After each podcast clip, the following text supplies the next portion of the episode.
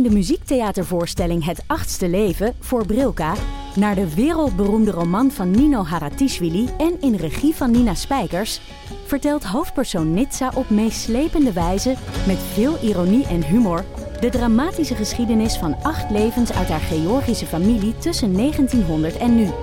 Een hartverscheurend en tegelijk troostrijk drama verteld vanuit het perspectief van vrouwen uit verschillende generaties.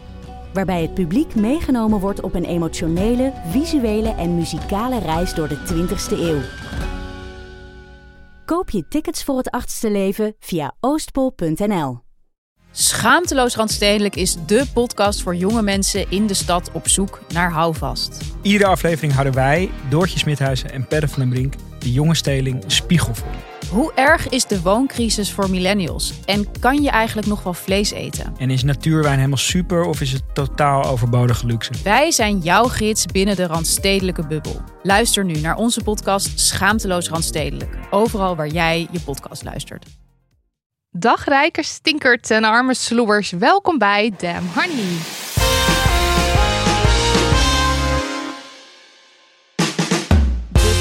Over shit waar je als vrouw van deze tijd mee moet dealen. Mijn naam is Marilotte. En ik ben Lydia. En dit is aflevering 172.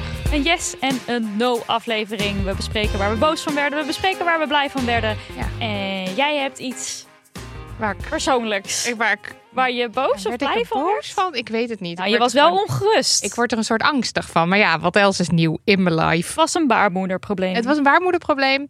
En ik ben zojuist terug van een gynaecologisch consult. En ik heb hem...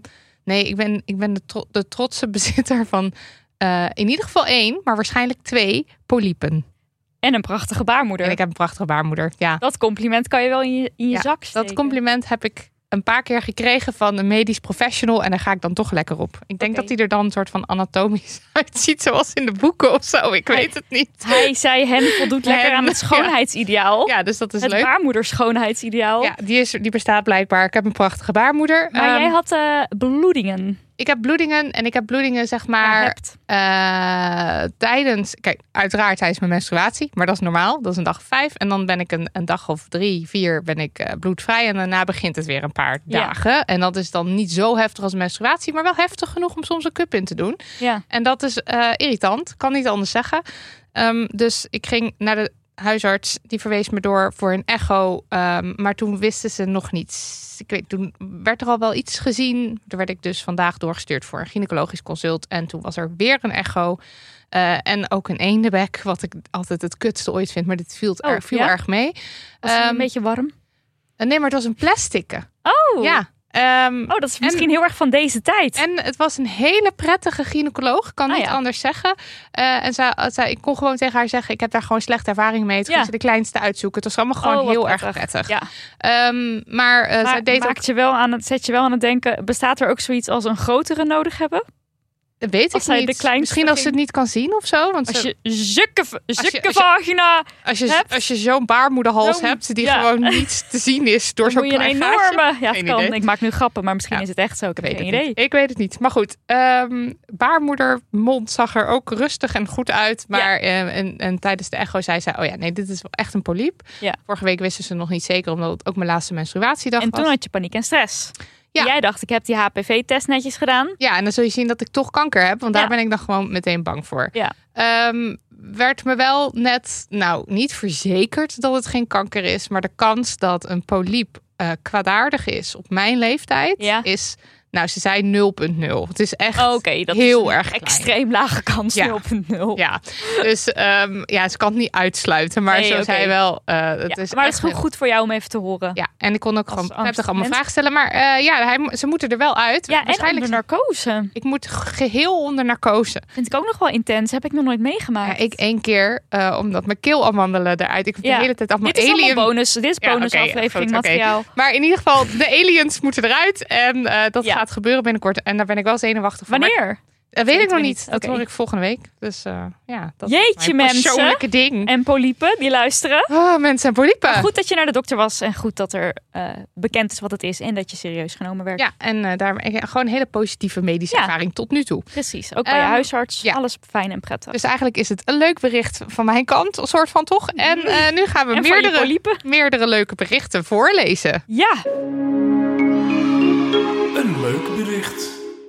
Want We we kregen van alles. zoveel reacties gekregen op de Zoveel. aflevering met Marloes de Vries, eh, die het boek Kinderen krijgen is optioneel schreef.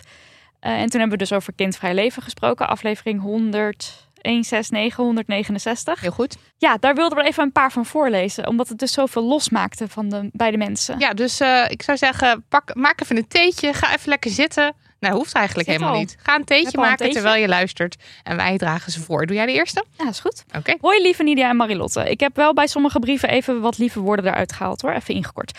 Ik moest hardop lachen om Nidia's lijstje om geen kinderen te willen. Erg accurate redenen, kan ik jullie vertellen. Dat sommige ouders spijt hebben van het ouderschap kan ik me ook goed voorstellen. En ik ging bij mezelf te raden of ik dat ook voel. Want het is fucking zwaar. En fucking heeft deze persoon wel netjes ehm, met sterretjes geschreven, maar ik zei het alsnog hardop. Maar toch, twee kinderen, 10 kilo, vier jaar slapeloze nachten en een postpartum depressie verder, zou ik alles bij elkaar genomen toch niet zeggen dat ik spijt heb. Vervolgens heb ik naar aanleiding van jullie aflevering even zitten denken of ik 15 tastbare dingen kan bedenken die juist voor kinderen pleiten. Die verder gaan dan je krijgt er zoveel voor terug. Ik haat die zin. De moeite en energie die je in je kinderen stopt, kunnen zij nooit teruggeven. En het is oneerlijk om dat te verwachten. En het is me nog gelukt ook, dat van die lijst. Komt-ie. De trots die je voelt elke keer als je kind iets nieuws kan. Op de een of andere manier is de liefde voor mijn partner groter geworden doordat hij ook via de kinderen loopt. Wazig, I know. Ja, vind ik helemaal niet Nee, ik ook niet zo. Eh, logisch. Eh, kinderkleren kopen is veel leuker dan grote mensenkleren kopen. Snap ik. Hier kan ik me wel in, Ja, in vinden. ja dus er bestaan meer leuke, min, meer leuke Ja, zeker omdat kinderkleren wij, misschien. wij zitten een beetje naar looks te kijken voor een nieuwe dingen. En dan zitten wij zo. heel vaak heel saai. Wat een saaie Klopt. kleding bestaat er. Ja. Je gaat je vrije tijd meer waarderen en bewuster invullen. Ik vind het mooi om de wereld door de ogen van mijn kinderen opnieuw te leren kennen. Kinderen leren je om trager te leven. Mijn kinderen houden mij een spiegel voor, waardoor ik werd gedwongen aan mijn eigen issues te werken. Het is fijn om je kinderen jouw visie op de wereld mee te geven. Ik ben super trots op mijn lijf dat gewoon een mens heeft gemaakt. Bij elk fysiek ongemak, bijvoorbeeld de tandarts, denk ik nu: als ik 16 uur kan bevallen, dan kan ik dit ook. ja. Ik sta versteld van mezelf hoeveel ik nog kan met chronisch slaapgebrek. Wat een kracht en doorzettingsvermogen. Je krijgt enorme armspieren door de hele dag kinderen te tillen. Nou, daar ben ik natuurlijk erg jaloers op. Ik kan, op jou, ik kan op jouw ja, yes-lijst eventueel, als je die ooit maakt. Zeker, ja. Je komt met opvang en school in een nieuwe community terecht. Fijn als je ergens woont waar je niet zoveel mensen kent, zoals ik. Ik heb de kans om twee jongetjes tot feministische mannen op te voeden. En last but not least, als alleen de cherry base van deze wereld kinderen krijgen, dan wordt het niks. Dus ik ben blij daar wat tegenover te kunnen stellen.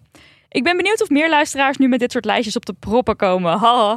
Ik heb dit trouwens niet gedaan om iemand over te halen of zo. Iedereen moet het lekker zelf weten. Eigenlijk heb ik het vooral even voor mezelf op een rijtje gezet. Kan ik dit lijstje er vannacht misschien even bijpakken als ik weer eens een kind terug in zijn bed probeer te krijgen? Anyways, keep up the good work. Groetjes en Nou, echt ik vond leuk. het zo leuk. Ja, Echt wel fun om wat concreet redenen te, Ja. te lezen. Want het is altijd dat, ja, het is een gevoel. En eh, dit zijn ook wel echt dingen waarvan ik denk, ja, dit snap ik wel. Oh ja, dit begrijp ik wel. precies. Dat, En we hebben ook wel meer van dit soort mails binnengekregen Ja. over meer concreet inderdaad het, eh, het mooie van nou, het ouderschap. de volgende is post van Jasper. Hallo, amazing Marilotte en sparkling Nidia. Hallo. Lieve woorden zijn weggehaald, maar bedankt.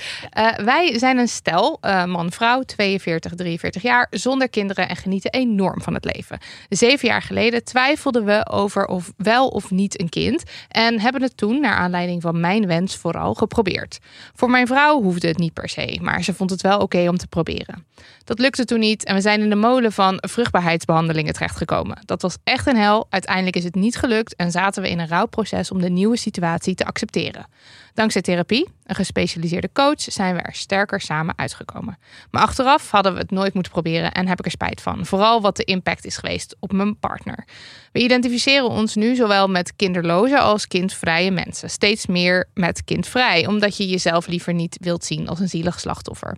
We richten ons leven ook in om het maximale eruit te halen samen. Bijvoorbeeld hoe we ons huis inrichten en wat we met onze vrije tijd doen.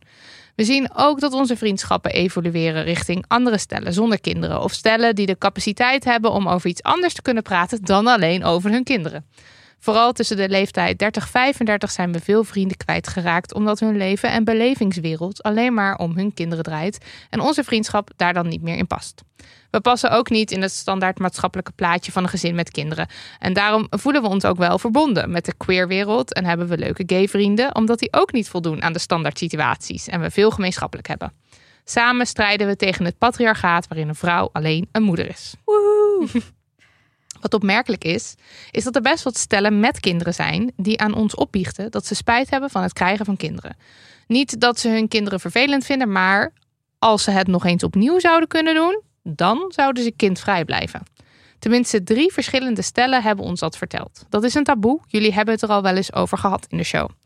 Spijt is sowieso een raar iets. Spijt is een nuttig mechanisme als je meerdere keren achter elkaar dezelfde keus moet maken. Als je dan een fout gemaakt hebt, dan zorgt dus de pijn van spijt ervoor dat je de volgende keer de goede keuze maakt. Maar de emotie van spijt voor keuzes die je maar één keer kan maken is totaal nutteloos.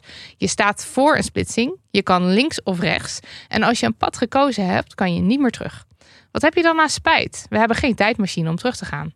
Ja, dit is wel lastig. Ja. Want oké, je, hebt, je hebt er niks aan, maar je kan het wel voelen. En wat ik interessant... Sorry dat ik even inbreek, want de brief is nog niet klaar. Maar Nee. toch, wat ik er interessant aan vind, is dat Jasper eerder spreekt van spijt van het eh, vruchtbaarheidstraject ingaan. Ja. Dus ja, je kan nou eenmaal iets terug. voelen. Ja, wat... Ja, Sommige het dingen. is, het is useless, maar je moet er wel mee, met dat gevoel zal je wel om moeten gaan. ja, en ik kan als je ook het ervaart. En ik kan me ook voorstellen als het gaat over. Kijk, eh, hij praat over keuzes die je maar één keer maakt. Maar Ja. op het moment dat je in een grote levensgebeurtenis een keus maakt waar je achteraf spijt van hebt, is die ervaring waarschijnlijk wel iets die je mee kan nemen weer in andere keuzes. Misschien niet weer dezelfde, maar in andere situaties of andere ervaringen waar je daar Ja. weer wat mee kan. Dus in die zin zou ik niet het afschrijven als niet nuttig, maar wel als zeg maar ja, Het vertelt je wel iets. bang voor spijt Alleen- zijn heeft denk ik niet zo heel veel zin. Want uiteindelijk moet je toch keuzes gaan maken. Ja, dat is het ja. En in spijt blijven hangen heeft natuurlijk ook weinig zin. Want Ja. dan ben je op die nieuwe route en dan is Ja. dit wat het is. En dan zal je daar je weg mee moeten Ja, vinden. maar om nou te zeggen dat sp- spijt zelf niet nuttig is bij keuzes die je maar één keer maakt, daar weet ik niet zeker of ik het daar helemaal mee eens Nee. ben. We gaan verder. Eh, en ik was. Ik vind het lastig. Ik vind het lastig om een keuze te maken als ik geen perfecte informatie heb over alle voor- en nadelen. Ik ook. Ja. Eh, maar bij de vraag om wel of geen kind te nemen, heb je die info niet. Het is een gok. Ik kreeg ooit een tip. Als je een belangrijke keuze hebt en na onderzoek is er niet eentje duidelijk beter dan de ander, kies er dan gewoon eentje. Ja, dat vind ik ook echt Ja. een goede tip. Blijkbaar zijn ze even goed, ook al zijn ze enorm anders. Achteraf pas je je toch aan aan de nieuwe situatie om er het beste van te maken. Ja. dit zijn wijze woorden. Voor mannen is geen kinderen hebben makkelijker dan voor vrouwen. Onze oom en tante van eind 50 hebben geen kinderen, tot hun verdriet. En mijn tante, die in de zorg werkt met voornamelijk vrouwen, heeft wel eens gezegd dat elk gesprek in elke pauze op haar werk alleen maar over kinderen gaat. En nu ze 50 is, gaan de gesprekken over kleinkinderen. Zij vindt dat verschrikkelijk. Mannen lijken minder over hun kinderen te praten. Er is wel een beetje een stigma tussen mannen. Als je geen kinderen hebt, word je wel gezien als minder volwassen of minder verantwoordelijk. Omdat er een categorie mannen is die vrijbuiter is en van vrouw naar vrouw fladdert zonder te committen. Maar dat wordt niet onderling uitgesproken. Ook is er, ook is er een vooroordeel over on- onvruchtbaarheid, vruchtbaarheid en onmannelijkheid en mannelijkheid. Wat een stigma is voor mannen zonder een kind. We maken wel eens de grap dat we qua verre vliegvakanties uit het verleden al minstens 1,2 kind aan CO2-uitstoot hebben veroorzaakt. De zaakjes. De zaakjes, sorry. Een kind erbij hebben is wel 50 intercontinentale vluchten per jaar aan uitstoot. De discussie, over, de discussie erover mist een belangrijk punt. Het gaat altijd over wel of geen kind in verband met de milieu-impact. En dat is een zware afweging qua kinderwens. Maar we hebben ook vrienden die een derde of vierde kind krijgen. Wij vinden het extreem moeilijk om ons in te leven in de besluitvorming van die ouders om dat te doen. Ik vind dat je ouders best kan aanspreken om de overweging van milieu mee te nemen in keuze voor het derde of vierde kind. Hoe groot is de kinderwens als je al een huis vol hebt? Eentje minder kan dan toch wel? En dan nog heeft iedereen het recht om dat te beslissen. Maar dat is dan wel, een dat is dan wel vergelijkbaar met de keuze om ver te vliegen, elke dag vlees te eten of een SUV te kopen. Je krijgt geen morele carte blanche omdat het toevallig over gezinsuitbreiding gaat, in my humble opinion. Deze mail is alweer veel te lang. Heel veel succes met de podcast, het opstarten van een nieuwe theatershow, de self-improvement journey en alle andere goede dingen van 2024. Ik blijf jullie steunen via Petje Af. Groetjes, Jasper. Ja, knaller van een mail. Maar Ja. we dachten, we doen hem toch maar even helemaal erin. Want er zitten zoveel verschillende thema's in. Ja. Ook natuurlijk het eh, thema over man en man zijn en geen kinderen hebben. En hoe daar dan tegen aangekeken wordt. En dan dat er toch een stigma is, maar dat het dus niet uitgesproken Ja, wordt. maar ook inderdaad die onvruchtbaarheid en onmannelijkheid. Hm. Eh, wat natuurlijk ook nog wel eens speelt bij steriliseren. Dat mannen dan het gevoel hebben dat een stuk mannelijkheid wegvalt. Wat ja, want je moet niet- wel Ja. de, de, alle, de, de vrouwtjes kunnen bezwangeren of zo. Zoiets, ja. Of dat Je het, het gevoel dat dat dan ja, je mannelijkheid aantast. Eh, ja, wat vind jij van dat CO2-verhaal? Ja, ik weet het niet. Kijk, k- voor, Lastig, hè? voor mij, kijk, Het is een persoonlijke keuze, maar ik Ja. snap wel wat hij zegt met... derde Je mag daar best iets over zeggen. Ja, en tegelijkertijd. Maar moet je je ermee bemoeien? Ja, want kijk, ik zou dat echt nooit doen. Wie ben ik om te zeggen dat jij geen derde of vierde kind, ehm, zeg maar, je moet, je, maar dat, het, dat dat dan onzin is. Eerste, tweede. Ik, ik, ik heb daar gewoon niet, daar Nee. heb ik geen zeggenschap over. Nee, dat heb, dat heb je ook niet. Op geen enkele de- manier. Ik, vind niet- wel het ding van, je krijgt geen morele carte blanche omdat het toevallig over gezinsuitbreiding Nou, dat gaat. ben ik het mee eens. Ja, want waarom zou je dan wel kunnen zeggen, hé, hey, eh, die SUV, dat is eigenlijk misschien niet zo nodig en vet vervuilend. Misschien kan je daar eens over nadenken. Maar dat het dan om gezinsuitbreiding, ja, omdat het iets heel erg gevoel is of zo. Als je mensen daarop aanspreekt, dat is heel persoonlijk, heel... Ja, maar is het ook niet zo? Kijk, bij een SUV kan je allemaal vrij gegronde argumenten bedenken waarom je dat niet zou moeten doen. Want Ja. klimaat. En, maar ik heb het gevoel dat je bij kinderen, dat is en heel erg een e- emotieding natuurlijk. Ja, Maar volgens mij zijn er zowel voor, voor veel kinderen als voor geen kinderen allemaal argumenten te bedenken waarom het wel of niet goed voor de wereld zou zijn. Dus ja je hebt natuurlijk altijd mensen die zeggen, ja, maar je, je, Je- we hebben ook kinderen nodig die de nieuwe klimaatreddende dingen uitvindt. precies. En dat zal maar net je kind zijn. En dan was het een derde kind en dan was het kind er nooit geweest, want het mocht niet van Jasper. nou ja, en Grapje Jasper. Grapje, Esther. Maar ik bedoel, de, de- ik heb Ja. het gevoel dat, daar, dat dat een soort van in argumentatie vaak een soort van gelijk opgaat of zo. Ik weet het niet zo goed. Nou, wel interessant. Dat zeker. Ik ga hierover nadenken. Nou, en de laatste. Lieve Nidia en Marilotte, wat is jullie aflevering met Marloes een feest om naar te luisteren? Ik werd er helemaal vrolijk van. Nu denken jullie misschien, hey, nog iemand die geen kinderen wil. Maar dat is zeker niet zo. Ik heb nu een zoontje van twee en het is heel zwaar en ontzettend geweldig. We hebben onze zoon gekregen vanuit een sterk verlangen en hebben echt nagedacht of dit iets was wat we willen. Hoe jullie over verlangen en angst spraken, vond ik inspirerend en heeft mij weer laten nadenken over de kwestie van een tweede kind. Daar komt denk ik ook angst bij kijken. Wat als er iets met het eerste kind gebeurt? Dan heb ik geen kind meer. Of is het niet zielig als mijn kind enigst kind is? Dat ben ik zelf en vind ik vaak best jammer. Helaas vinden veel mensen in mijn omgeving het ook egoïstisch, zielig of raar als ik zeg dat ik niet weet of we een tweede krijgen. En ze voelen zich helemaal prima om mij dat mede te delen. Zelfs negen maanden kotsend boven de wc hangen lijkt voor hen een offer dat je maar moet brengen. Ik had hyperemesis. Maar ja, deze angsten zijn natuurlijk niet voldoende reden om een tweede kind te krijgen. Ik ben erg benieuwd of er later in mijn leven weer een sterk verlangen naar een kind zal opkomen of niet. En hoop dat als het wel komt, een mogelijke ziekte tijdens zwangerschap mij niet tegenhoudt. Beslissingen maken op basis van angst is eigenlijk nooit goed. Dus zeker niet bij een levenslange, niet omkeerbare keuze. Veel dank voor deze mooie aflevering. Liefs Kaveri. Mooi. Ja, goed om, die twee, om de tweede kind eh, verhaal er ook nog even in te Ja, Maar eh, ja, dat hele. sluipen. En het hele gesprek, gesprek. over, over ver- verlangen en angst, dat, dat heeft mij ook weer extra bewust gemaakt. Ik vind het leuk dat Kaveri er ook over schrijft. Ja. ja, en we hadden daar trouwens nog wel ook... Ik ga die mail niet ook voorlezen, want dat is echt te lang. Maar we hadden nog een mail.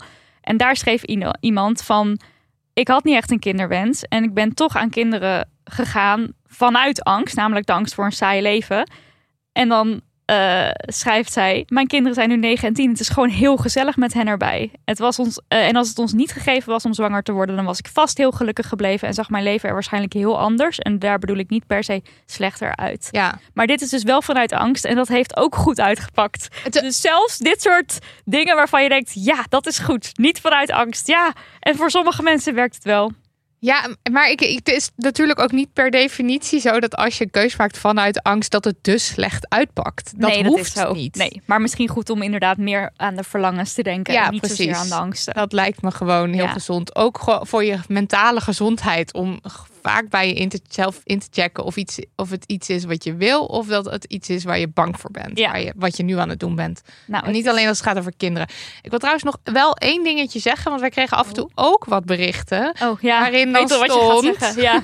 Waarin dan stond, ja, eh, leuk en aardig zo'n aflevering over kindvrij leven. Maar waarom zat er niet iemand aan Waarom tafel geen moeder? met een kind? Ik wil graag mee weten over feministisch opvoeden. Waarom zat die? Waarom zat er niet? Ja. Of, Ja, eh, of ik, ja. vond dit, ik vond dit wel een heel eenzijdig gesprek. Eh, de, de, het was in mijn optiek was het eh, een vollediger of gelaagder gesprek geweest als er iemand aan tafel had geze- gezeten die wel een kind had. Maar ehm, ja, ik wil graag daar even over zeggen dat het, het gaat, het ging gewoon in die aflevering niet over mensen met kinderen of met een kinderwens. Nee. Daar ging het gewoon echt niet over. We hebben een aflevering gemaakt over moederschap. We hebben een aflevering gemaakt over queer moederschap. Over twijfelen over een kinderwens.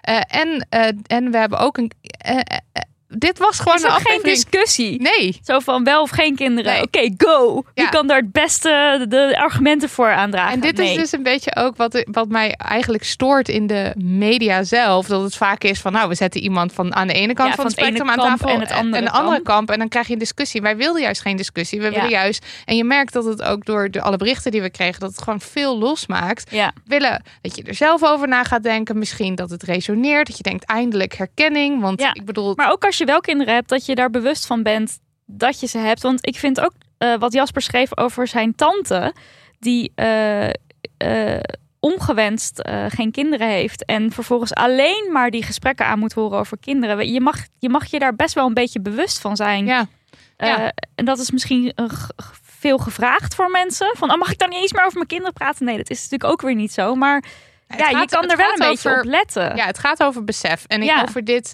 en die aflevering over kind, kindvrij leven is ook om zeg maar eh, een, een, een, duit in het zakje te doen qua dat, dat mensen zich ook wat meer bewust worden hoe dominant het verhaal is van wel Ja, kinderen precies. krijgen. Ja. Dus eh, ja, we hebben heel erg expres niemand aan tafel gezet die wel kinderen Ja. heeft. Dat wilde ik daar graag even over kwijt. Goed gezegd. Damn, honey, no. Damn, honey, no. Niet. Wat voor verschrikkelijks heb jij om met ons te delen? Ja, ik heb de no. Nou, vanochtend ehm, was er een nieuwsbericht uit Winsum. Ja, het, het, het trigger warning moord op vrouwen. Een 17-jarig meisje is doodgestoken door een 19-jarige man. Of tenminste, die is daarvoor aangehouden. Die is verdacht. Ik mag dan niet zeggen dat hij het gedaan heeft, want dat weten we eigenlijk nog helemaal niet. Ehm, RTV Noord die heeft met jongeren gesproken die naar eigen zeggen bekenden zijn van het slachtoffer. En volgens hen zou het gaan om een kwestie in de, daar is hij weer, relationele sfeer. Ja. En de politie heeft ook laten weten dat het slachtoffer en de verdachte elkaar inderdaad kenden. Nou, er is verder dus eigenlijk nog helemaal niks hierover naar buiten. Maar het is meer weer het verhaal van. ehm, Als je je er bewust van bent, van Vrouwenmoord. femicide, van Ja. femicide, en als je je bewust bent van de cijfers, dan begin je het echt ook in het nieuws te Ja. herkennen. Want ik heb het vanochtend naar jou met een soort hier, weer een geval van femicide. En Ja. zo, zo, zo- als in naar hoogste waarschijnlijkheid. Als je dus eh, de politie laat weten dat ze elkaar kenden. Nou ja, Kijk, ik ben nu hier niet eh, politiewoordvoerder of Nee. wetenschapper, dus ik, ik, dit is een, een onderbuikgevoel. ik heb ook wel gelezen al ergens dat het om een ex-partner zou gaan. Maar ja, dat weet ik ook niet of dat klopt. En het is nog maar zo nieuw, dit nieuws. En ik wil daar eigenlijk ook niet over speculeren. Maar Maar zij zou, als het een- inderdaad een ex-partner is, zij zou niet bij de Officieel. officiële cijfers horen, Klopt. omdat zij niet getrouwd waren en Ja. niet, eh, eh, omdat het niet officieel gemaakt is. Ja, dus als je bij de officiële cijfers tot femicide gerekend zou eh, worden, dan moet je daarvoor op papier partners van elkaar zijn. Ja. Dus een 17-jarige jonge meid, wat zo, zo, zo, jong. jong. is, hè, mensen. Ehm, ja, nou goed. Dat is natuurlijk, eh, de, die is niet op papier, die was niet getrouwd. met deze 19-jarige man. Nee, dus zij zou nooit op in de officiële cijfers van femicide terechtkomen. Nee, als het dus inderdaad de ex blijkt eh, Ja. te zijn. Ehm, ja, ik zag ook alweer dat er allerlei anonieme trollen, noem ik ze maar even, op Twitter het weer aangrepen om hun eh, vreemdelingenhaat te spuien. Namelijk, er zit een AZC in Winsum. Oh, dus ja. we weten allemaal wel dat de dader geen Sietse heet. Dat was basically de strekking van wat zij, zij de wereld instuurde. Wat ik ook weer walgelijk vind, om meteen die link te leggen. Ehm, maar wat ik nog even kort wilde noemen, is een podcast. Namelijk, zij is van mij, van rechtbankverslaggever Saskia Belleman. Die onderzoekt vrouwenmoord in de podcast. En het is volgens mij achtdelig, maar er staan er nu vier, geloof ik, online. Ja, nog niet alle acht in Nee, nou, er komen eh, nabestaanden aan het woord eh, van ehm, vrouwen die, die vermoord zijn door eh, partner, ex-partner. En er komt ook een slachtoffer aan het woord. En zij is neergeschoten door haar ex. En zij heeft het eigenlijk bij wonder Overleefd. overleefd. Ja, zij is gewoon neergeschoten. De kans dat zij dood was, was natuurlijk heel groot. Het is Ja. gewoon mislukt. Maar het was wel degelijk een keiharde eh, poging tot moord. En ehm, als je haar verhaal ook hoort eh, en, en alle, alle stress en het verhuizen en het, en het veilig proberen te blijven, eh, omdat die partner haar, eh, ex-partner haar en haar kind stalkte. Daar gaat al zoveel leed aan vooraf. En het, dat femicide, vrouwenmoord is natuurlijk het uiterste voortvloeisel Ja. van iets wat aan zich al echt verschrikkelijk is en Ja. levensverwoest. En wat ervoor zorgt dat bijvoorbeeld de dochter van dit slachtoffer niet normaal naar school kon, want het was te gevaarlijk. En het is zo'n groot probleem. En ja, zo'n nieuwsbericht van vandaag dan weer, terwijl ik dan eigenlijk nog gisteren die podcast zit te luisteren, dat hakt er gewoon zo in van, oh, we moeten echt, er moet iets gebeuren. Ja. En er moet, ja. Ja. Want de, En nou wil ik niet zeggen dat dan dit specifieke geval te voorkomen was geweest met X of X of zo, weet je wel. Dat is ook te kort door de bocht. Maar het is meer van zo'n nieuwsbericht zetten voor mij weer eventjes dit thema weer, Ja. eh, weer vooraan. aan. En dacht, ik dacht, laat ik dan ook die podcast tippen. Er komt overigens ook iemand aan het woord die zelf eh, dader is. Is die al aan het woord geweest of niet? Ja, volgens mij de laatste. Oh, die heb ik nog niet geluisterd. Ik weet niet of dat nu nog steeds de laatste aflevering is, maar de laatste aflevering to- toen ik gisteren luisterde. Dus Ja. ik weet niet of er al een nieuwe is. Ja, het is... Eh, om, te, ja, om te horen van ja, wat, eh, hoe, wat, wat, wat brengt je zover? Of wat, eh, welke mechanismen gaan er nou schuil eh, achter partnergeweld? René Rumkes komt ook weer. Komt ook aan ja, het woord. Die Ja, hebben we ook te gast gehad. En Ja. s- ja het, het, gaat, het komt dan weer altijd terug op dat, ehm, dat, dat idee of ja, van dat vrouwen zich eh, willen onttrekken aan, aan, aan de macht. aan de macht van Ja. hun partner, ex-partner van een man. Ja, En eh, dat die dat daar niet mee eens is. Dus het is echt een soort ja, con- controle willen hebben over wat een vrouw doet. En als ik haar niet kan krijgen, dan, dan eh, niemand. niemand. Ja, En zeg maar in de kerk, ja, daar, daar zit het natuurlijk. Daar zit, ja daar maar het zit iets- hem ook natuurlijk echt wel in hoe je dan vervolgens daar als maatschappij of als overheid, als politie, hoe je vervolgens omgaat met die zaken. En Ja. dat is elke keer zo'n knelpunt. En dat blijkt ook alweer uit deze podcast. Want eh, het slachtoffer, zij heet geloof ik, soort Cindy genoemd, geloof ik, in de podcast, die dus vertelt van ja, ik moest de hele tijd eh, schuilen. Ik moest de hele tijd weg. Mijn dochter kon niet naar school. Terwijl die man, die kan in principe gaan en staan waar hij wil. Ja. Ja, hij heeft dan misschien wel een eh, contactverbod. Dus misschien mag hij op een bepaalde aantal meters eh, niet komen officieel. Maar hij, dat kan hij wel doen. Ja. En, en daar, daar kom je gewoon elke keer weer tegen een, kom je tegen een soort muur aan. Waarbij dus eh, het slachtoffer eigenlijk eh, de ondergeschikte positie krijgt. Ja, ja. En, dit, want En we hoe je dat het, op moet lossen, ja. We hebben het natuurlijk ook een, paar weken geleden gehad over eh, hoe bijvoorbeeld stalking wordt aangepakt. Ja. Dat het dus de hele Daar tijd moeten we ook echt een aflevering over als, maken. Ja, precies. Als, dat je als slachtoffer echt van kastje naar de muur wordt, wordt gestuurd. Maar Ja. ook dat je de hele tijd verschillende mensen krijgt. En dat er niemand is die een soort overzicht heeft van eh, waar jij last van hebt. Wat jou overkomt. Hoe jij bedreigd wordt. Ja, en dat je het dus telkens weer uit moet leggen. Maar dat het dus ook niet opgepikt wordt als stalking, als bedreigend, Ja, als gevaarlijk. als je dus naar de politie stapt, dat je daar dus dat er een grote kans is dat jij daar dus weer klappen van moet ondervinden. Zodra de ex-partner partner daarachter komt. Komt. Ja. Eh, ja, nee, het is, het is dus complex. Ehm, ja, en er, er was ook iemand in die podcast die zei van ja, er zijn eh x aantal gevallen van stalking. Als we al die mensen achter de tralies zouden moeten zetten, dat kan eigenlijk niet eens. Zeg maar ook gewoon qua capaciteit. En toen dacht ik ook van. Dat is toch heel raar om ja, te ik zeggen. vind dat ook raar. Ik vond dat ook lastig. Dus en toen van- zei hij zoiets van ja, dan gaan we bijna naar eh, Verenigde Staten-achtige taferelen waarbij je een x percentage eh, in de gevangenis zit. En kijk, eh, gevangenisstraf is natuurlijk ook niet de heilige graal. Mensen opsluiten. Eh, tegelijkertijd, ja, mensen opsluiten is nou wel echt een vrij eh, hardcore middel om stalking tegen te gaan. Want Ja, ja, want je als jij gewoon ergens anders. zit, dan is het wel vrij duidelijk dat de vrouw in dit geval dan Ja. kan gaan en staan waar ze wil. Ja. Maar ja, vanaf wanneer kan je iemand opsluiten? Ja, kijk, bedreiging is gewoon strafbaar. Maar ja, wanneer heb je dat dan? Kan je dat dan eh, duidelijk maken dat het echt gebeurd is? Ja, maar en, en ook, want dat hoor je ook de hele tijd terug in die verhalen, dat ehm, als het al semi, als het al semi-serieus serieus genomen wordt, eh, verhalen van bedreiging en stalking, dan is er dus alsnog, ja, dan, dan gaat bijvoorbeeld de politie naar zo iemand toe en zegt dan foei, bijvoorbeeld. Ja, het stopgesprek. Het stopgesprek. Ja. En dat zijn natuurlijk en wel. dat ja, stopgesprek heeft 50% kans ja, dat schijnt dus ook ik, wel weer dat te helpen. Goed onthouden heb uit de podcast. Maar misschien is het ook een soort om angst inboezemen natuurlijk. Want Ja. de, de autoriteiten, politie, die Dus komt... Saskia Belleman die vroeg van, en gaan jullie dan nog wel eens eh, vragen later aan zo'n man van hoe gaat het nu? Toen zeiden ze nee, dat doen we eigenlijk niet. Toen zei een van die agenten, waar ik ook wel weer wat in kan vinden, van ja, stel de stalking is gestopt, dan wil je eigenlijk helemaal niet dat, dat zaadje planten van, oh ja, dat stalken, dat deed Ja. ik inderdaad. Ja. Dus valt ook alweer wat voor te zeggen, maar het voelt alsof nog niet alle capaciteit,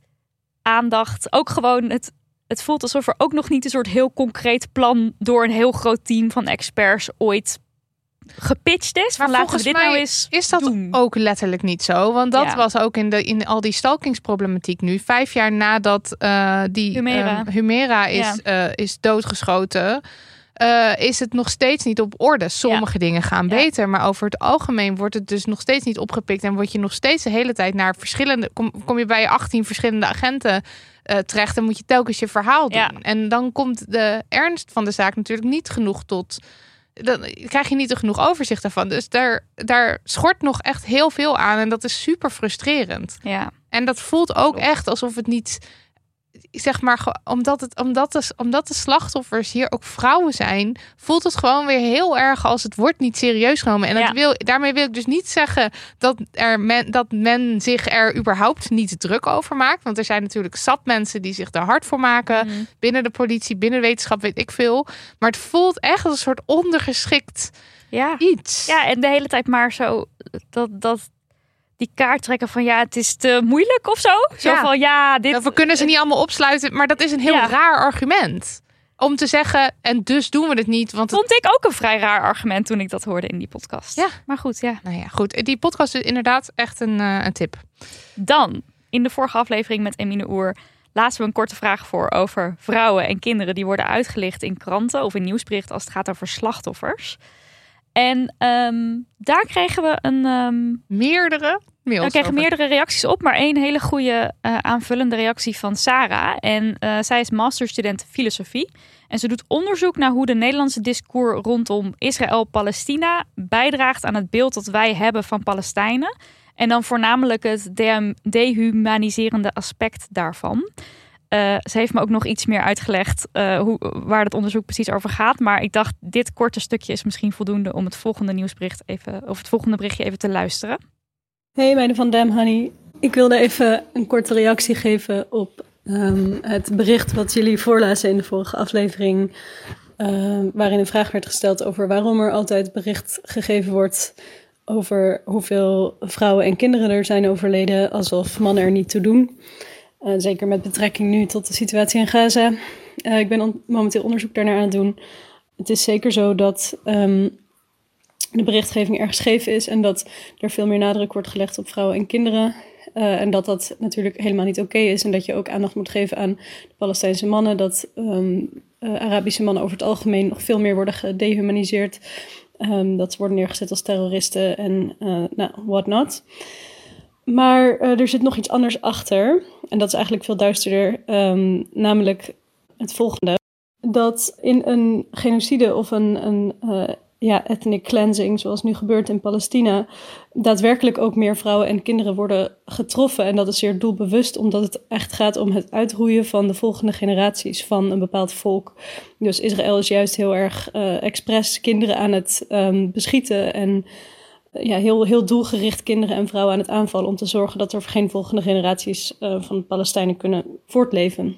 Dus vrouwen en kinderen zijn in die zin in een als het gaat om genocide en als het gaat om um, etnische zuivering kwetsbaarder, omdat zij vaak doelbewust worden getarget. Uh, om te zorgen dat er, ja, dat, er, dat er geen volgende generaties meer kunnen komen van, van dat volk. Want daar zijn vrouwen en kinderen nodig natuurlijk. Dus ja, dus dat is eigenlijk een beetje de, de, de duistere kant van, van, het, van dit verhaal dat verklaart nog niet waarom er altijd zoveel aandacht aan wordt gegeven in de media. Dus ik denk dat daar heel erg twee kanten aan zitten.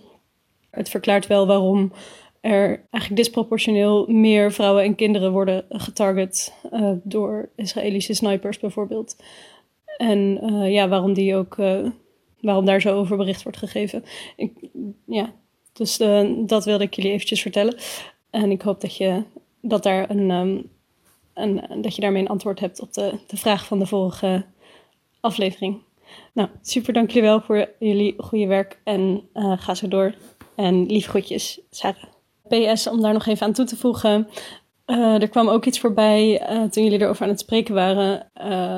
dat volgens mij in Rusland hadden jullie het over dat daar nu vrouwen een soort van het recht op abortus wordt bemoeilijkt omdat uh, ze de volgende generatie soldaten uh, voort moeten brengen. Nou, dat is dus ook een typisch voorbeeld van uh, eigenlijk reproductieve onderdrukking van vrouwen, die ja, ook te maken heeft met gewoon die hele biologische aspecten van vrouw zijn. namelijk dat je grotere verantwoordelijkheid draagt voor de volgende generatie van een volk. En dus ook de oorlogsmachine van, van zo'n volk, namelijk over het algemeen mannen. Um, zeker in landen als Rusland. Dus it's all a very sick. Ja, uh, en dan nog met een side note van Sarah stuurde ze er later achteraan dat ze in haar audioberichtje heel binair over mannen en vrouwen spreekt, maar dat het eigenlijk gaat over seksenverschil. Dus mensen die kunnen baren en kinderen worden buitenproportioneel getarget, ja. als je het correct zou willen zeggen. Ook weer echt. Ja. Hij stuurde dit en ik vond het, ik dacht weer, alles viel weer zo op zijn plek dat je dan denkt, ja, dit is het. Ja, dat is logisch. Tegelijkertijd uh, staat dit niet in de kranten als ze zo'n nieuwskop maken. En dan zou ik wel willen pleiten van... oké, maar als je het op die manier naar buiten brengt... geef die context dan ook. Je bedoelt, uh, er zijn vrouwen en kinderen onder de slachtoffers... of er zijn als, als, als de krant... Ja, als je dat specifiek uit, uitlicht waarom licht je dat specifiek uit? Ja, nee, maar dat zegt ze volgens mij toch ook. Van het verklaart niet waarom de media het nou heeft over vrouwen en kinderen. Maar het is wel zo dat het zo is dat er ja, dus ja, meer... precies. En maar dan zou het dus wel goed zijn als daar ook over bericht wordt. Ja, en dan denk ik, zouden ze dat weten bij de media? Of is dit een soort... Is dit een soort ding van wat we doen? Dat we, uh, oh zielig, vrouwen en kinderen daarmee... ja, precies. Dat was natuurlijk ook waar ons gesprek met Emine over ging. Ja. Van in hoe, waarom moet dat los genoemd worden alsof de Palestijnse man of any mannelijk slachtoffer minder erg is dan een uh, een slachtoffer dat kind is of vrouw is. Ja, ik vraag me oprecht, oprecht af of, of dat ook de reden is dat ja. ze het doen in de media. En ik denk het dus niet. Nee, ja, denk het ook niet. Nee. Kregen we nog mail van Brit. En dat ging dan weer over vrouwen en kinderen eerst bij maritieme rampen. Want daar hebben we het ook kort over gehad. Over Titanic. Ik was dat alweer vergeten dat we het daarover gehad hadden. Nou, Brit got news for us. Namelijk een Zweeds onderzoek uit 2012. En dat gaat dus over de zogenaamde galantheid van oh, vrouwen en kinderen eerst. Er is een, een verschrikkelijke scheepsbreuk. Nou, en dan staan al die mannen natuurlijk helemaal klaar om die vrouwen, en, kinderen eerst te gaan. Want die arme zwakkelingen uh, die moeten gered worden. Nou, dit is geen officiële maritieme regel. Dat wil ik ten eerste gezegd hebben. Wist je dat? Uh, nee, dat wist Had ik je een niet. vermoeden? Ik dacht dat het gewoon een soort. Nou, ik dacht dat het een ongeschreven regel was. Oh ja. Wel, ja, dat nou, gewoon, dat is wat je doet. Het is, het is ook wel, het is wel een soort wijdverspreid idee ook. Van dat is wat je doet. Maar het is dus ook een mythe. En die is mede de wereld, uh, nou ja, lekker extra ingekomen dankzij de kaskraker Titanic. Misschien wel onze lievelingsfilm. Want daarin zie je dit, of hoor je dit ook gebeuren. Uh, de kapitein heeft ook bij de Titanic daadwerkelijk opgeroepen om vrouwen en kinderen eerst de reddingssloepen in te krijgen. Eh, maar hij wist ook op dat moment: dit schip gaat ten onder. Dit schip heeft te weinig reddingssloepen. Dus voor hem was dat misschien gewoon een soort quota of een soort van, nou dan maar op die manier Ja, ja. onderscheid maken. Maar, Maar- dat is dus hij- niet vanuit een, dat is hoe het altijd gaat Nee, het, het, was een, voor hem een persoonlijke overweging. Of misschien uit een soort morele overweging was het... eh, eh, eh, hij, hij dacht, dat, zo moet het. Maar Ja, het was niet precies. van, we gaan nu een protocol Ja. volgen... en vrouwen en kinderen Precies. moeten eerst. En leiderschap is dus blijkbaar van groot, gro- heeft grote invloed op hoe zo'n scheepsramp Verloopt. zich ja, ontwikkelt. En dat Zweedse onderzoek uit 2012, dat heeft dus 18 van de meest beroemde scheepsrampen onderzocht. In totaal stierven daarbij 15.000 mensen. En slechts 17,8% van de vrouwen overleefden het, versus 34,5% van de mannen. En in drie van de schipbreuken die het onderzoek meenam, stierven alle opvarende vrouwen. En uit het onderzoek bleek, en dit is eigenlijk heel logisch, eh, wat gebeurt er tijdens een ramp? Ieder voor zich. Ja, gewoon je eigen hachje redden. Ja, Ja, en, En- dat is logisch, want dat is denk ik ook gewoon het, het, het, het instinct van de mens of ja, zo. dat denk ik ook. Ja, maar ik vind het dus wel weer... Het, Het is gewoon typisch dat er Ja. dan dus een idee ontstaat dat eh, vrouwen en kinderen dan dus blijkbaar. eh, nou, in ieder geval tijdens een scheepsramp er nog goed vanaf komen. Zo Ja. van, oké, eh, nou, je wordt maar dan ze wel zielig en maar ze kunnen helemaal niks. ja, en, eh, maar hier, ga maar in, dit, in deze sloep. sloep. Maar dat is dan dus niet dat eens is dus zo. niet eens zo. Eh, en nou, wat, wat is dan wel zo? Mannen die zijn eh, vaak fysiek sterker, waardoor ze een grotere overlevingskans hebben. Maar van alle categorieën hebben de kapitein en de crew de grootste Dus overlevingskans. het is ook niet eens zo dat de kapitein ten onder gaat met zijn nee, schip. het is, wordt wel gewaardeerd als de kapitein pas het schip verlaat op het moment dat hij weet van ik heb er alles aan gedaan om ja. mijn passagiers nog enigszins oké eh, Ja. hier vanaf te laten komen. Ik weet ook niet wat ik van die regel vind hoor. Nee, dat van is- de vind ik kapitein. ook onzin. Daar, daar gaat, dat gaat natuurlijk nergens over. Maar het is ook Je hier, denk je... je, je werk uitvoeren. Als jij Ja. als kapitein weet van nou dit zijn vluchtroutes of dit kan ik doen of dit kan ik nog, dan moet je dat wel doen, vind ik. Maar ik zou, ik zou van niemand vragen dat je je opoffert voor, voor je schip. Nee, Als- dat gaat, gaat nergens, nergens over. over. Maar waarom die crew en die kapitein het nou vaker overleven, dat is dus ook niet per se omdat ze andere passagiers bewust in de steek laten. Maar Kennis. omdat ze kennis Ja. hebben, ervaring, training hebben. Ook super logisch. Zij weten precies waar ze moeten zijn, hoe de dingen werken, wat ze moeten doen. Weet ik veel, als je in het water terechtkomt, hoe lang je hebt. Weet Ja, dat- misschien kunnen ze ook eh, vaker zwemmen als je het gewoon Ja. percentueel bekijkt. Ik weet, dat weet ik niet hoor. Dit is een Ja. gok van mijn kant. Maar het is wel echt ehm, de, de realiteit van, van. Nou ja, je hebt dan de mythe vrouw en kinderen eerst. En, die, en de mythe dus blijkbaar van de kapitein gaat ten onder met zijn schip. Ik Ja. vind het gewoon grappig dat het echt het totale omgekeerde eigenlijk is. En dan heb ik nog een leuke laatste fun fact. Ja, Er is een historica genaamd Lucy Dillap, denk ik dat ik zeg, van Cambridge University. En zij heeft wel een theorie over hoe het nou kan dat deze mythe de wereld ingekomen is. En volgens haar is dit idee van vrouwen en kinderen eerst dus eh, moedwillig verspreid door de Britse elite om het stemrecht van vrouwen tegen te gaan. En dan was de theorie, of wat al gezegd werd, was... Vrouwen hebben geen stemrecht nodig, want kijk nou naar de Titanic. Zelfs in een situatie van leven en dood denken de mannen nog aan het belang van die vrouwen en kinderen. Zetten ze dat belang voorop. Dan doen ze dat ook heus in de politiek. Dan Oh, hoef jij je mooie kopie daar niet over te breken, want die mannen die doen dat wel doen dat. voor jou. Kijk maar naar de Titanic. Oh, ik waar vind meer vrouwen overleefden dan mannen. maar dit screamt echt. de, ehm, oh, oh, jij wil gelijke rechten? Oh, nou dan moet je ook dood als je op de Ja. Titanic zit. Dat is gewoon heel erg wat ik hier. Dat is die vibe. Oh, je bent een feminist, dan Ja. moet je ook op je blote knieën de straten gaan leggen, Marilotte. Noem alle vrouwen. Noem alle vrouwen, anders mag je niet jezelf een feminist noemen. Eh, ja, dat, eh, ik vind het wel. Ik voor, dit vind ik wel het leukere gedeelte van de no. Ja, dit was even een fun, Fun. Fun, een een fun, fun no. stuk. Damn, honey, yes. Damn, damn, honey, yes. Damn, honey, yes. Damn, damn, honey, yes. Gaan we naar de yes. De yes. Mijn yes Ja, heet het limitarisme. Ik zit op het puntje van mijn stoel. Meid, ik weet het. Want- Ehm, Ja, Oh, jij bent het ermee eens. We hebben ons de afgelopen weken tijd allebei een beetje erin verdiept. Ik kan nergens anders meer aan denken. Ik ook Ik niet. probeer het in Het elk gesprek mij erin te fietsen. Dat lukt vooralsnog best aardig. Ja, het lijkt mij de oplossing voor. Oké, nee, ik begin even bij het begin. Ja. Wij zeggen natuurlijk altijd: kapitalisme is de duivel. Geld! Ja.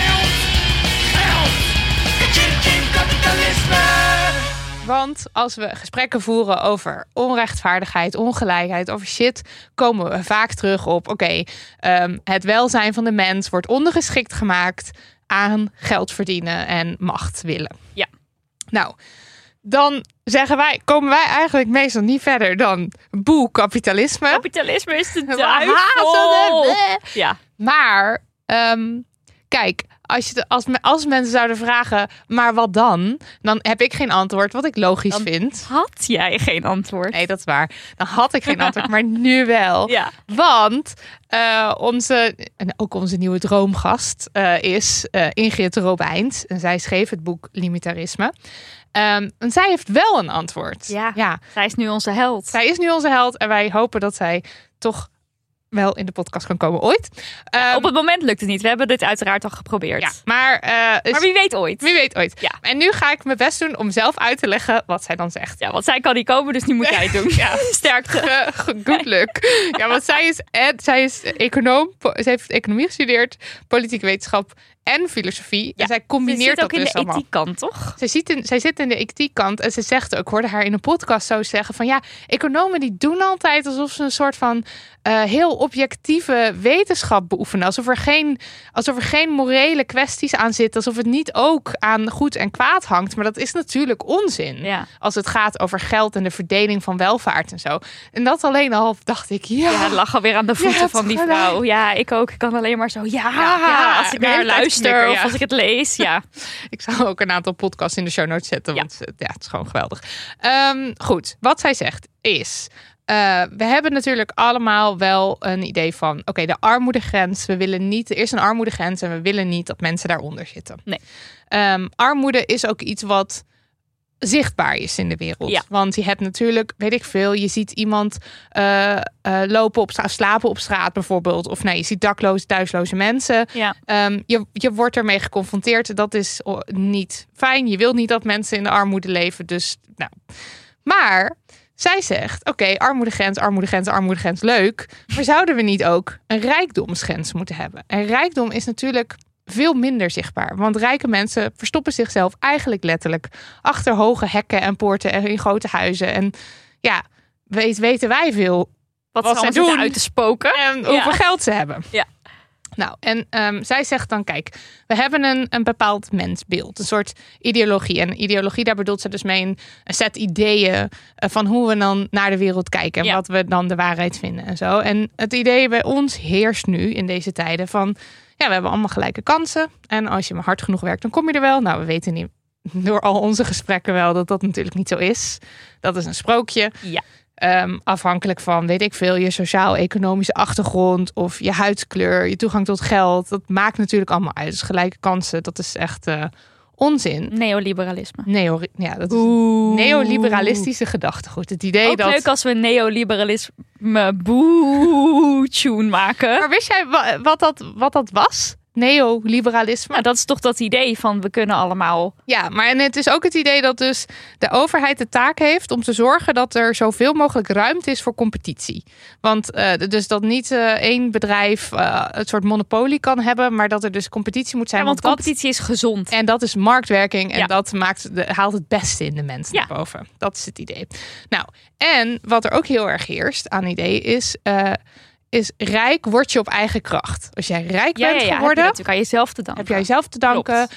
aan jou. Je hebt hard gewerkt Je bent ervoor. super creatief. Ja, dit is helemaal het, geweldig. Dit Ja. is, en dat geld jij doet jij hebt dus verdiend. beter. Je bent dus beter dan die ander die minder rijk is. Ja. Want anders dan was die wel rijk geweest. Ja, en als je arm bent, dan is het ook je eigen Precies. schuld. Ja. Dat heb je gewoon helemaal aan jezelf te danken. Ja.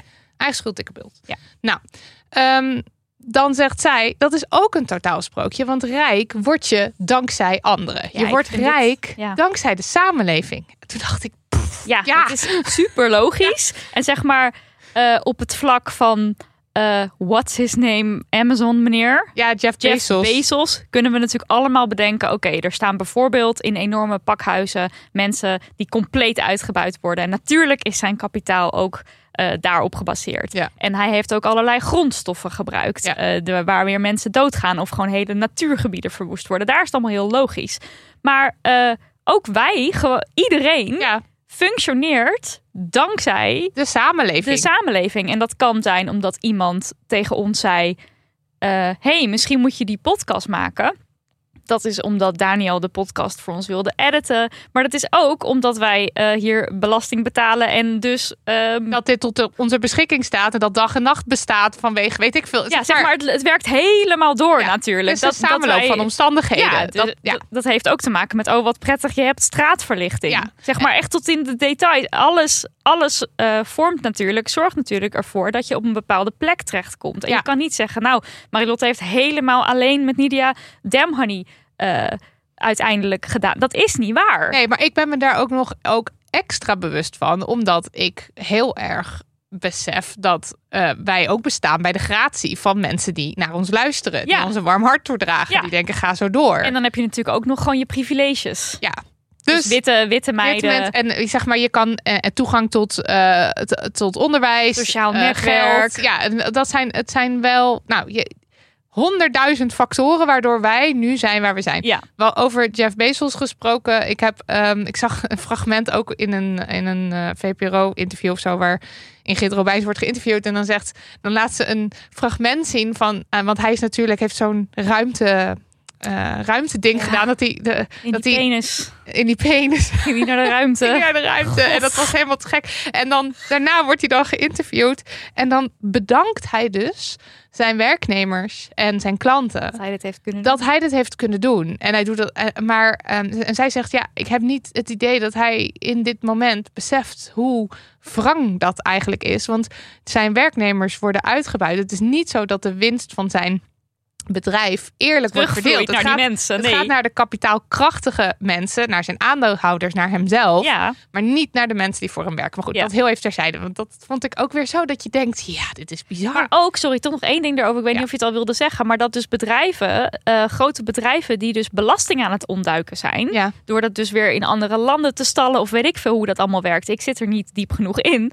Maar dat zij daarmee dus ook niet teruggeven aan de samenleving, of in ieder geval zo min mogelijk teruggeven aan de samenleving, terwijl dat bedrijf bestaat bij de gratie van die medewerkers die in een samenleving functioneren. En hoe beter die mensen het hebben in die samenleving, hoe beter zij uiteindelijk natuurlijk ook kunnen werken. ja, maar Als je gezondheidsstelsel heel goed op orde is, omdat er gewoon veel geld is, je onderwijs op orde is, je wegen, je verkeersveiligheid, weet Ja. al die dingen, Ja. is natuurlijk super positief voor een bedrijf wat ergens in een land zit. Ja, maar het is dus niet. Dat heeft, heeft op dit moment dus helemaal geen prioriteit voor, Nee, nee, voor bedrijven, voor fabrieken. Nee, voor die denken, ik ga multinationals. Ergens anders heen als Ja. ik hier ingewikkelde belasting moet betalen. Ja. En dan is de overheid ook nog zo van, oh sorry hoor, nee, dan, oeh, die krijgen dan meteen helemaal de We wel paniekaanval. zorgen dat het vestigingsklimaat hier heel erg positief is. Precies. En ja. eh, dat, is, ja, dat is inderdaad waar. In plaats van dat er dus geïnvesteerd wordt in het welzijn van werknemers en in zorgen dat mensen gewoon rond kunnen komen, wordt het dus het geld wordt gestald op plekken eh, waar ze niet terug hoeven, te, terug hoeven te geven aan de samenleving, maar waar ze dus hun aandeelhouders weer kunnen betalen. En da- de mensen die dus die eigenlijk het- kunnen dan nog meer shit ja, kopen. want kijk, dit zijn Of de meer geld aandeelhouders zijn mensen die zijn al kapitaalkrachtig. Ja. Want die zijn de mensen die het kapitaal hebben. En zij krijgen dus door vermogen, gewoon door vermogen, iets waar ze niks voor doen, want ze hebben dat geld is gegeven. Daar, dat geld maakt geld. Ja, geld creëert geld. Dat is toch ook dat, ja, dat is een soort Ja. les 1 of zo. en ik toch? vind dat dus echt een bizar gegeven. Dat, dat, dat, en ik, ik weet dit wel, dat je als je werkt, dan moet je daar veel belasting over betalen. Maar op het moment dat je dus vermogen hebt, Ja. als in je hebt een kapitaal, dat dat dus eerder geld voor je verdient, dan dat je daar dus heel veel belasting Ja. voor hoeft te betalen. Hoe dan ook. Ehm, zij zegt, rijk ja. word je dankzij anderen, want de samenleving heeft jou. Ze heeft het trouwens ook over bijvoorbeeld als jij een talent hebt. Ja. jij bent toch ook... Dat is toch ook iets waar je niks aan kan doen? Dat is ook iets... eh, als jij creatief bent of heel, heel, heel erg verbanden kan ontdekken of zo, dan is dat een talent. Ja, dat is jouw gegeven. Dat is niet waar jij voor hebt gewerkt. En je hebt het misschien wel ontplooid, maar de Ja. samenleving geeft jou ook de kans om die te Ja, ontplooien. precies. En dan denk ik ook altijd aan alle mensen wiens talenten niet ontplooid konden worden Ja. door allerlei redenen. Als je bijvoorbeeld kijkt naar topsport, daar zit vaak al vanaf de jeugd al zoveel eh, eh, ja, mogelijkheid in. Met Ja. kinderen van hot naar herrijden. En ouders die er voor dat kind dat kunnen doen en geld kunnen betalen. Ja, heel veel kinderen die hebben helemaal die mogelijkheid niet. Dus dan kan je ook nooit topsporter worden. Nee, precies. Nou, Dus dat is een klein Nou voorbeeld van hoe je dus al je talenten niet altijd kunt kan ontplooien. Ja. Dus ehm, wat zij zegt is rijk worden, talent ontplooien. Maar goed, rijk worden is een team effort. Precies. Maar zo zien we het dus niet. En eh, tot een bepaalde hoogte, zegt zij, is dat goed. Want het is goed dat je beloond wordt voor Ja. je werk. Ja. Je wil gewoon voor, voor mensen, voor veel mensen, het is menselijk om een soort van drive te voelen. Weet je wel dat je beloond wordt. En de Ja. financiële prikkel is er gewoon eentje die het goed doet. Dus dan gaan mensen harder werken. En het is goed als mensen in hun eigen onderhoud kunnen voorzien. Maar ehm, zeg maar boven een bepaalde grens aan geld verdienen, op een gegeven moment doet het gewoon niks meer voor de levenskwaliteit van een persoon. Precies. En Er zijn allemaal onderzoeken het is, ja, precies. De, en eh, dan hebben we het niet per se over, eh, over eh, inkomen, eh, maar echt ook over vermogen. Het Ja. vermogen wat je tot je beschikking hebt tot een bepaald eh, punt. En volgens mij noemt zij 2 miljoen, maar ik hoor daar ergens anders ook weer 5 10 miljoen, miljoen. zeggen. Dus ik weet niet precies. Zij, zij gebruikt ook allemaal onderzoeken en er zitten ook wel haken en ogen aan. Maar laten we het zeggen, oh, boven de miljoen in ieder geval. Maar goed, er is een bepaald punt waar het gewoon niks meer doet voor de levenskwaliteit van een persoon. Ja. En, zegt ze, en het is gewoon onethisch. Want waarom zou één persoon, waarom zou iemand, een individu, op zoveel geld mogen zitten en mogen bepalen wat ermee te doen? Met in gedachten houdend dat het rijk geworden, rijk worden, dat het een team effort was. Ja. Waarom heeft één persoon daar dan recht op? Ja. En ehm, nou, zij zegt ook de gevolgen daarvan zijn best wel ehm, nou, zorgelijk. Ja. Want ehm, ten eerste, het zet de democratie onder druk. Ja, dat is heel belangrijk En- en eng. Ja, dat is zo. Want geld stuurt politieke keuzes. Nou, Ja. een heel extreem voorbeeld daarvan is natuurlijk Amerika. Ja. Daar heb De je VS. echt perso ja, oh sorry, de, de VS, de Verenigde Staten. Want daar heb je natuurlijk echt individuen die gewoon een duidelijke vinger in de pap hebben bij, eh, bij politieke Ja, plus partijen. je moet heel veel geld hebben om überhaupt in de Senaat terecht te kunnen komen. Ja. Of je moet het via allerlei grassroots organisaties binnenhalen. En zij geeft dan dat voorbeeld van eh Alexandria Alexandria, Ocasio-Cortez. Een van de weinigen die dat dan zelf op die manier, ook team effort, maar op die manier binnen heeft gekregen. Maar Ja, maar over alleen het al daar komen heeft geld, no is geld nodig. Er, is gewoon, er zijn grote hoeveelheden geld nodig. Er zit volgens mij ook geen limiet aan wat je mag ontvangen. Dus het gaat echt over grote, grote bedragen. En dan zijn er mensen, Zoals zij- Trump. zoals Trump, zij noemt Trump als voorbeeld uit 2015, dus voordat hij politicus werd. Toen vertelde hij, eh, luister, ik, heb, ik maak gewoon altijd sinds jaar en dag maak ik heel veel geld over naar en republikeinen en democraten. Ja. En dan kijk ik wel wie er wint en, wie er ik invloed heeft. En dan bel ik ze- als die wat ze gewoon- wil. Ja, Ja, het is zo erg. Maar ook in Nederland geeft ze hier een voorbeeld van. ja. Van een, eh, een of andere iemand die is dan, eh weet ik ja veel, hoofd van een multi- multinational geloof ja, ik. vertegenwoordiger voor, voor multinationals. Ja, voor het bedrijfsleven. Ja. en die zegt dan ook: Ik heb alle ministers in mijn telefoon staan en ze Ja. bellen me altijd terug als ze Ja. niet meteen opnemen. Dus je kan niet- ook in Nederland Ja. is dit iets wat aan de hand is. En je kan gewoon niet zeggen Wel dat geld. mate, Ja, kijk, Nederland. Zij zegt ook: Nederland is een, demo, is een democratie. Ja. Ehm, eh, van, eh, eh, van de VS betwijfelt ze dat. dat, zij noemt dat de plutocratie. Dat is voor echt rijke mensen Ja. hebben daar de macht. Hier Ja. in Nederland, democratie, maar ze is kwetsbaar. Want eh, geld is gewoon. Het, het, geld stuurt, stuurt Ja. die democratie. En mensen die wat willen veranderen in ook het beleid, die kunnen dat eigenlijk maar tot beperkte mate doen. Omdat dat geld, dus de mensen met het geld, de bedrijven met het geld, dus zoveel eh, eh, invloed hebben ook. Ja.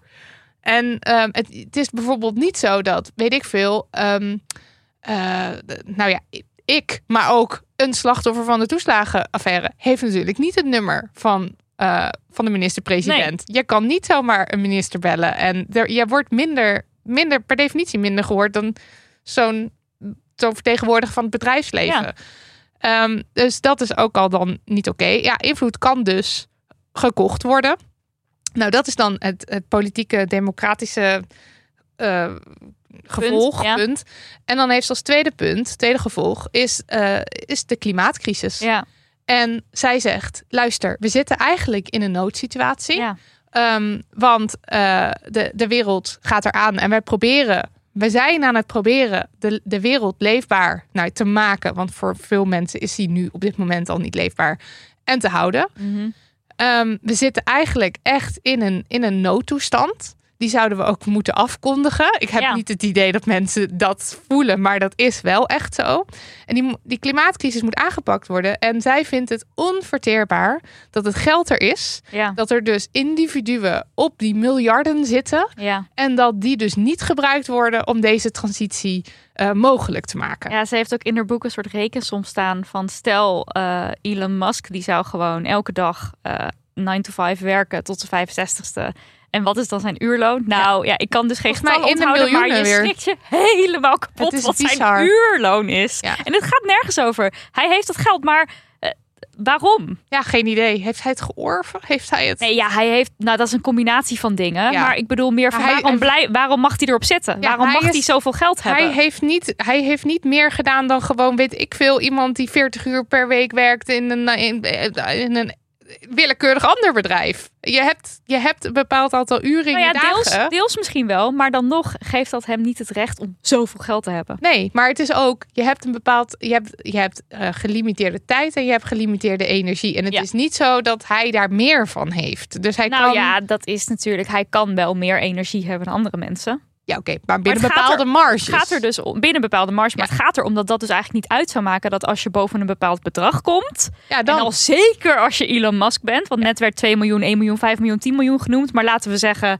miljarden. Ja. dan gaat het gewoon zo nergens meer over dat Nee. het gewoon echt niet oké is en ook echt niet geaccepteerd zou moeten worden. Maar je gaat ook gewoon echt hele gekke dingen doen als je zo rijk Ja. bent. Want je weet dan gewoon ga je in die penis naar de maan. En het is ook letterlijk zo dat, de, dat de de aller, aller, allerrijkste mensen. Eh, die stoten ook het allermeeste uit. Want Ja. ze hebben ook gewoon, en zeg maar, eh, in veel berekeningen horen ook mensen zoals jij en ik erin natuurlijk. Mhm. Want wij zijn ook rijke mensen als je het mondiaal Tuurlijk, ja. bekijkt. Ja. Maar als je het dus hebt over de echt super, super rijken, die hebben gewoon een enorme uitstoot. Die gaan met hun private planes en hun boten en hun weet ik veel. Starbucks. Ja, Ja. en dat is dan gewoon normaal. Nou, goed. Grenzen dus. Bovengrens. Ja. Ehm, eh, zij zegt die moet er zijn. Waar ligt die grens? Dan maakt ze dus een onderscheid tussen inkomen en, eh, Vermogen. en vermogen. Want eh, vermogen wordt dus veel minder belast dan inkomen. En ze, heeft, ze zegt wel, ja, kijk, bijvoorbeeld iets als topsalarissen, die zou je aan banden moeten leggen. Maar het gaat hier eigenlijk over, eh, over vermogen. Bijvoorbeeld over erfbelasting. Ja, Ehm, eh, door als jij generational wealth. ja, als, je, als jij rijke ouders hebt en die geven dat geld aan jou door, Ja. wat maakt dat jij hier recht op hebt? Vooral omdat geld geld maakt. Dus dan krijg jij geld en Ja. dat geld maakt geld. Dus dat is eigenlijk heel erg fucked up en raar. Maar ook daar zegt ze over, ja, maar het, is ook, het raakt ook heel erg aan het idee van familie. Ja. Want mensen die kunnen er Dat eigenlijk is niet... ons geld, dat is mijn geld. Ik heb daar recht op. En het is natuurlijk... Terwijl door wie is dat geld ooit überhaupt zoveel daar gekomen? Ja, en eh, als je terug, als je er genoeg dan in? Precies, Ja. als je genoeg terugrekent, waar kom je dan op uit? Maar ehm, er- ergens begrijp ik dat natuurlijk wel, want het is Ja. ook gewoon zo'n heel fundamenteel iets van dit is van mijn familie. En ik heb er hard voor gewerkt. Ik wil het doorgeven aan mijn kinderen. Zij hebben er, ja, precies. Dus, maar ik vind het dus wel leuk hoe zij daar dan over praat van ja, oké, daar moet je dan dus een soort weg in vinden. Ja. Wel zeggen eh, van nou, tot hier mag je het houden, maar de rest moet terug naar de samenleving. Ja, Ehm, wat dus die Marlenne onlangs gedaan heeft. Wat ook een yes was een tijdje geleden. ja, dat zij gewoon heeft gezegd, hier, neem het maar. Ik, hoef, ik ga het zelf niet gebruiken, want ik heb daar geen recht op. Ja. Ehm, ja, en dan als ze het heeft echt over hoe je dat dan praktisch zou moeten invoeren. Ja, dat is dan natuurlijk altijd een grote vraag. Ja, iedereen, want- waar iedereen het antwoord op wil hebben. mensen gaan stijgeren als de over, eh, zeker in Nederland, gaan, Ja. gaan mensen stijgeren als de overheid ons iets op wil leggen natuurlijk.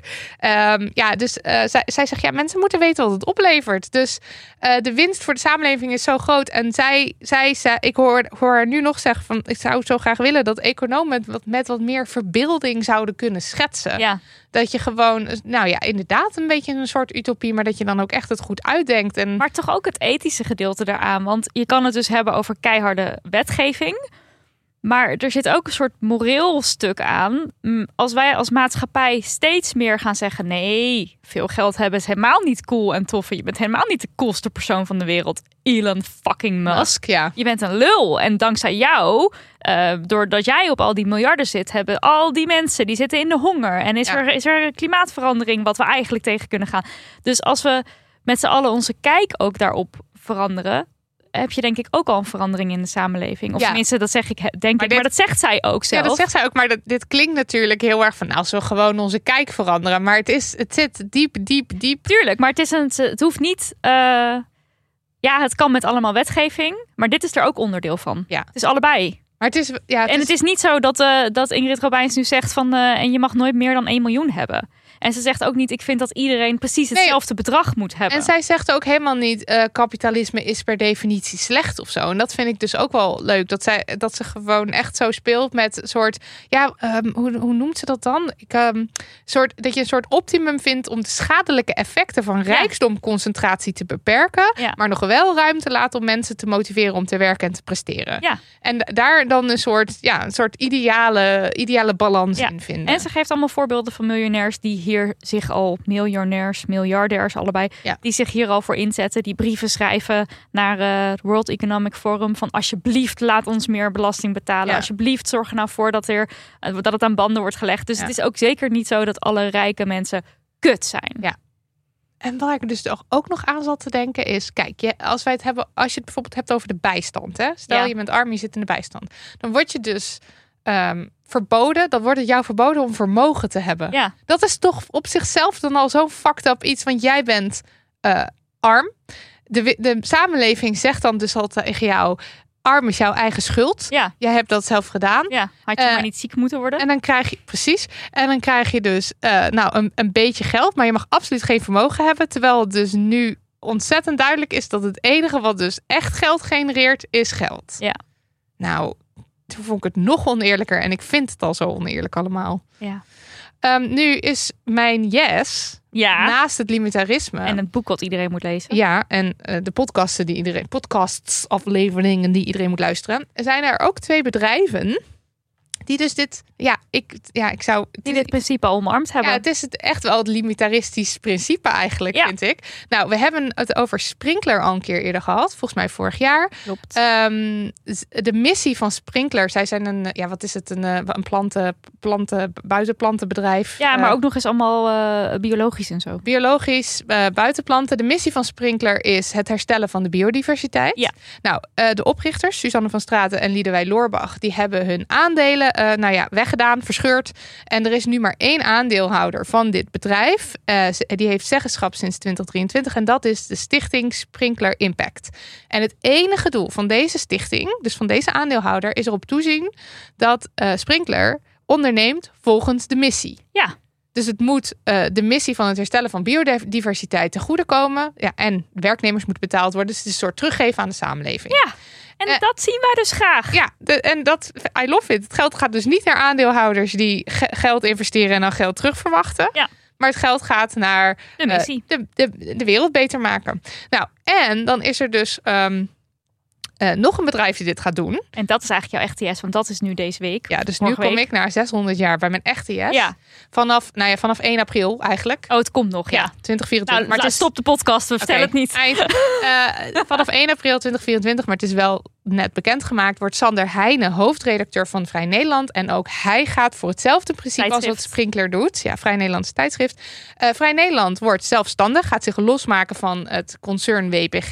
Ja. Ehm, dat is het Belgische concern wat eh, ongeveer bijna alle bladen in Nederland heeft opgekocht. Verorberd. Ja, dus Vrij Nederland wordt, maakt zich los daaruit, wordt zelfstandig. En de enige aandeelhouder is de Vrij Nederland Stichting. En het doel van die stichting is om, is om erop toe te zien dat al het geld wat binnenkomt, de journalistieke missie dient. Yes! Yes! Dus om makers te betalen, zodat er goede stukken gemaakt kunnen worden. En eh, hij, ik hoorde hem in een podcast zeggen, ja, de journalistiek en de vrijheid staan onder druk. Ja. Ik bedoel, eh, er gebeurt nu van alles. En het is echt heel erg belangrijk dat er een sterke journalistieke, ehm, een sterk journalistiek landschap is. Wat, Mhm. de, demo, wat, wat de politiek controleert, wat, de, wat, Ja. het- wat alle beslissingen controleert. En wat gewoon op een integere manier dat kan doen. Maar Ja. dat kan natuurlijk niet op het moment dat winst Ja, dat dat het uiteindelijk... allerbelangrijkste is.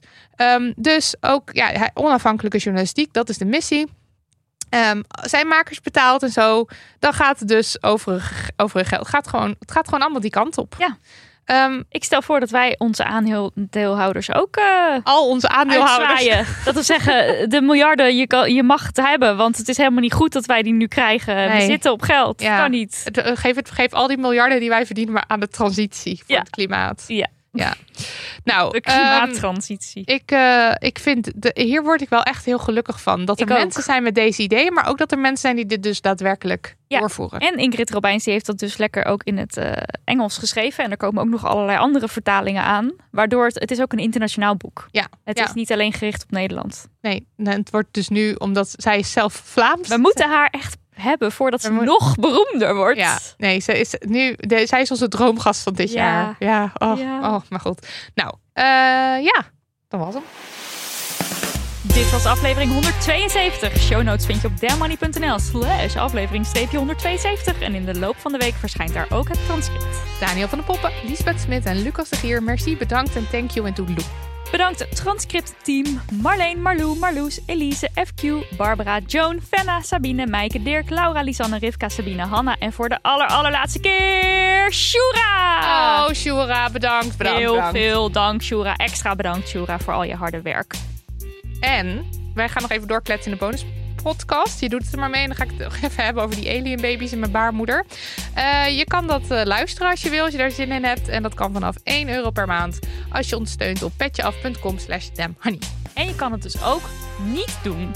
Je kan ook niet bijdragen aan deze kapitalistische kuttenkoppenactie van ons door dingen achter de betaalmuur te zetten. Ja, dan, dan geef je, misschien kan je dan die euro teruggeven aan de samenleving. Doe dat dan. Ja. Ja, of Zelf niet. weten. Nog even over die grootse en epische muziektheatervoorstelling. Het achtste leven voor Brilka is een marathonvoorstelling van 5 uur. Koop je tickets voor deze bijzondere theateravond via oostpol.nl.